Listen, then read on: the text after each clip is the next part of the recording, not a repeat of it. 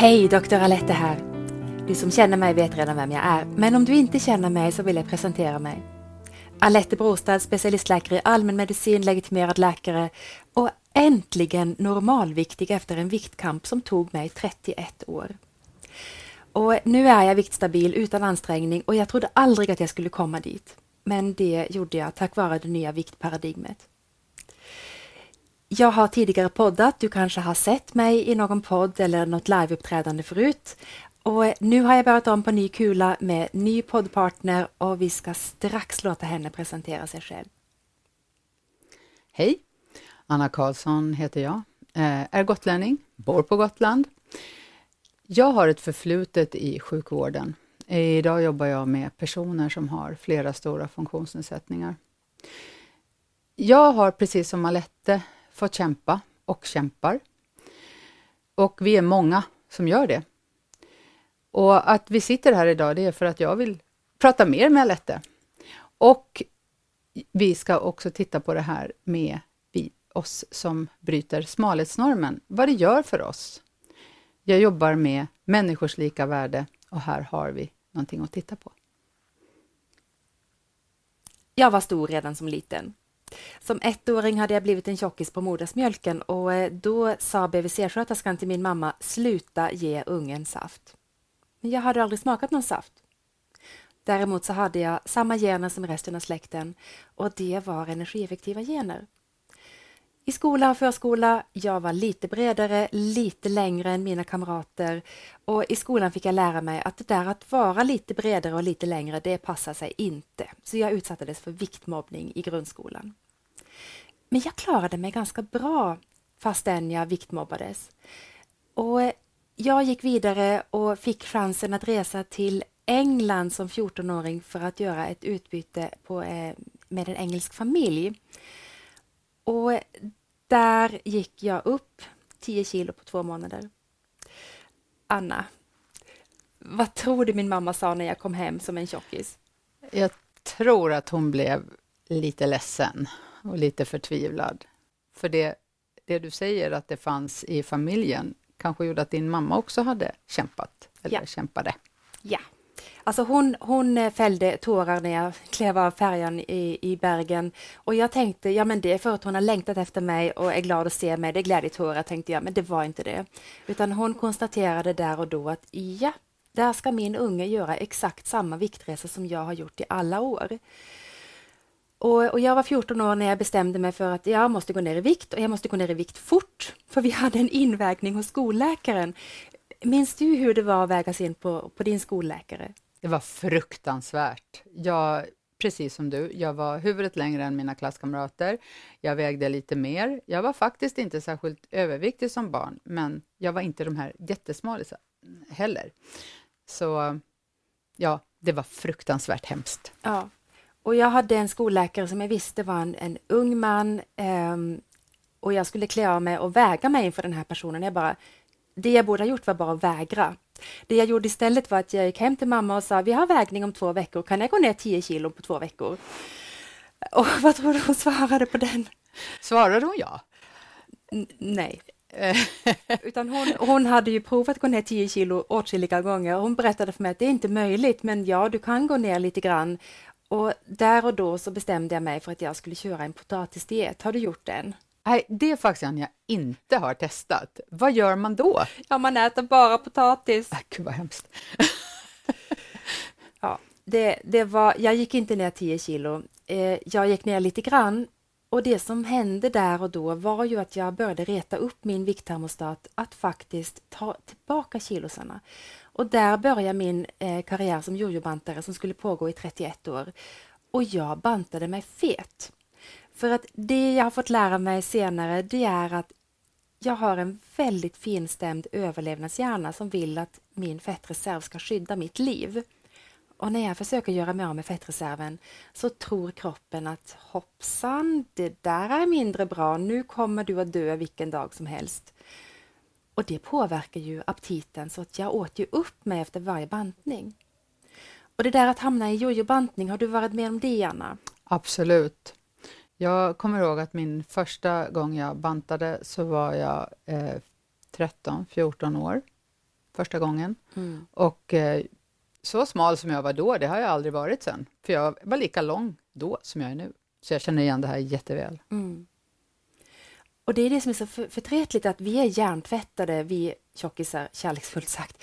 Vi är hjärntvättade och tror att det är fel på oss, att det är fel på vårt pannben, att vi bara måste rycka upp oss, vi bara måste hitta den perfekta dieten, den perfekta träningen för att gå ner i vikt och stanna där. Och jag trodde på den lögnen i så många år. Jag provade, jag tror varenda diet som finns. Jag provade en massa olika träningsformer. Även om jag inte är någon som älskar träning så har jag provat det mesta. Men jag lyckades inte banta mig smal, jag bantade mig fet. Och mellan 2019 och 2020 så lade jag ett år och cirka 4 000 kronor på en viktklubb där jag gick ner ett kilo på ett år. Vad tycker du om det? Alltså, ja, det är ju fruktansvärt. Och jag tänker också att i en, i en sån här viktklubb där verkligen det går ut på att man ska gå ner, vad vad fick du för respons på ditt, då i deras ögon, icke-resultat? Ja, jag tror nog att de trodde att jag fuskade. Mm. Mm. Och jag tror nog att om jag hade suttit som läkare och en patient kom tillbaks på invägning och ingenting hände så tror jag nog att den patienten kanske gjorde fel. Mm. Eh, nu vet ju jag idag att jag inte fuskade, men jag fattar att min överlevnadshjärna talade om för mig att ja, nu håller maten på att ta slut, det där känner vi igen och då ska vi skydda fettreserven med alla till buds stående medel. Och i augusti 2020 så hade jag gett upp. Jag insåg, jag kommer vara en tjockis för resten av mitt liv. Jag ville inte vara en tjockis för resten av mitt liv, för jag vantrivdes med min vikt. Jag vantrivdes med att vakna med ont i ryggen och inte kunna orka gå i vanliga trappor och inte hitta kläder som jag trivdes med. Jag vantrivdes nog så vansinnigt. Och ändå lyckades jag inte gå ner i vikt. Så jag landade i beslutet att ja, jag behöver nog remittera mig för en magsäcksoperation. Oj. Hur kändes det? Ja, det kändes hemskt. Och jag var livrädd för den där kniven. Eh, så, så jag tog upp telefonen, jag tog en, eh, ett, ett, eh, en bild på mig själv och la upp på Facebook och skrev en kommentar. Ja, det lär ju inte, jag lär inte bli något yngre, så det är lika bra att bara uppdatera Facebook-profilen. Den förra bilden var nästan tio år gammal och då var jag tillfälligt lite lättare, så den tyckte jag om. Mm. Nu vägde jag 102 till min längd på 1,74. Jag hade ett BMI på nästan 34. Jag var fet, i medicinsk mening fet, fetmagrad 1. Det gick några få veckor och sen sitter jag på en föreläsning för distriktsläkare i Uppsala. Och om du nu råkar bo i Uppsala så har din distriktsläkare varit på den här föreläsningen. Det var Niklas Abrahamsson från endokrinologen på Aki som talade om för oss att Ja, det där med modern överviktsbehandling, det öppnar nya möjligheter. Och det där är ju jättespännande. Det är det bästa jag någonsin har hört. För det han sa, det var ungefär så här att ni måste berätta för era patienter att, att eh, det där med din vikt, det är ingenting du kan göra åt. Och jag bara, vänta nu här, va? Och jag tänkte mig att det här är liksom ett läkarknep. Vi talar om för människor, det här kommer inte göra ont och så gör det jätteont. Och, och, det här är någonting vi talar om för människor bara för att trösta dem, för de behöver trösten. Och sen så fortsätter han att berätta om vikttermostaten som finns i överlevnadshjärnan, som håller jämvikt. Och det är ju inte bara vikten som står på jämvikt. Vad tror du mer, Anna, som, som kroppen reglerar för att vara stabilt? För att vara stabil tänker jag temperatur. Eh, kanske också, jag vet inte, blodtryck kanske? Ja. Eh, blodtryck, pH-värdet, tarmrörelserna, andningen också delvis, mm. även om vi till viss grad kan styra över andningen. Men du kan inte välja att ställa in din kroppstemperatur på 35. Nej. Och, och, du kan faktiskt inte välja att ställa in din vikt på 75 eller 65 eller 55. Men det har vi väl försökt, eller hur? Verkligen. Många gånger. Ja. Mm. Och det jag insåg där, det var att jag hade försökt på fel sätt. Jag hade försökt överlista min överlevnadshjärna när den hela tiden hade överlistat mig. Och jag insåg att jag behöver göra det här på ett nytt sätt. Under föreläsningen så pratade Abrahams om, om eh, magsexoperationer magsäcksoperationer och vilket fantastiskt resultat några får på det. En viktminskning på ungefär 25 procent. Och sen så lyfter han fram läkemedel som ger en viktminskning på mellan 16 till 21 procent och jag bara tänkte kaching den ska jag ha. Så Anna, vad tror du jag gjorde? Tog reda på var och skaffade dig det här läkemedlet, tänker ja. jag. Ja, jag gjorde precis det. Jag gick och köpte medicinen, jag gick hem och stoppade den i kylen och sen tittade jag på den varje kväll för det var ju en spruta och jag måste ju erkänna en väldigt pinsam sak att jag är en stickrädd läkare. Och, och, det är inte jag stolt över, men jag brukar säga att man ska hålla sig på rätt sida om nålen och den här gången var jag på fel sida om nålen. I en hel vecka gick jag och tittade på sprutan och sen så tänkte jag, nej men snälla ryck upp dig, eh, ta den bara. Och när jag gjorde det så var den ju inte ens smärtsam, den kändes ju knappt. Och dessutom var du på båda sidor om nålen. Jag var ju faktiskt det. Det som hände därefter, det var att jag fick tyst i huvudet. Jag glömde bort att jag ville ha ostmacka på kvällen. Jag blev mätt snabbare. Jag ville inte va, ha glass och godis och kakor och fika, utan jag var nöjd på ett helt nytt sätt. Och jag gick ner 15 kilo på tre månader och på nio månader hade jag tappat 34 kilo. Fantastiskt. Och, eh, och där stod jag ett tag och var orolig för att sluta med medicinen och sen så hände ju det som faktiskt har hänt en hel del. Medicinen råkade ta slut. Och jag bestämde mig för att jag ska inte släppa mina goda vanor, men jag ska våga släppa sargen och leva utan medicinen. Och därefter har jag varit viktstabil och nu är det för tredje hösten på rad. Så du har varit utan medicin, viktstabil ett och ett halvt år, två ja, år? Mm. ett och ett halvt. Ett och ett halvt. Mm. Ja. Fantastiskt. Och, det gör ju att jag har nyckeln till viktstabilitet, för när man tittar på forskning för eh, viktökning efter läkemedelsbehandling så ser man att ganska många går upp ganska mycket.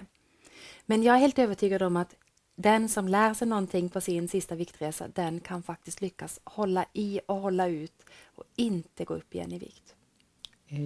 Det ju, låter ju som en dröm för oss som har kämpat och kämpar med det här var och varannan dag. Mm. Det är sant, det är en dröm och jag lever min dröm nu. Och, och jag har hjälpt över tusen människor som har egentligen gett upp att börja på sin viktresa, att gå ner i vikt, att få hjälp på sina viktplatåer, att få hjälp på sin stabiliseringsfas.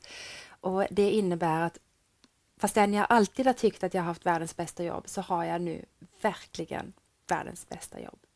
Det är ju fantastiskt.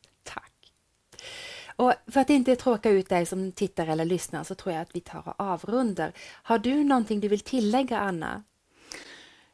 Det jag vill tillägga, jag har ju också börjat, påbörjat den här behandlingen. Och det som har varit jättestort för mig, det har varit avdemoniseringen av mat. Den ska vi prata om så småningom. Det, det ska vi verkligen mm. göra. Bra, toppen.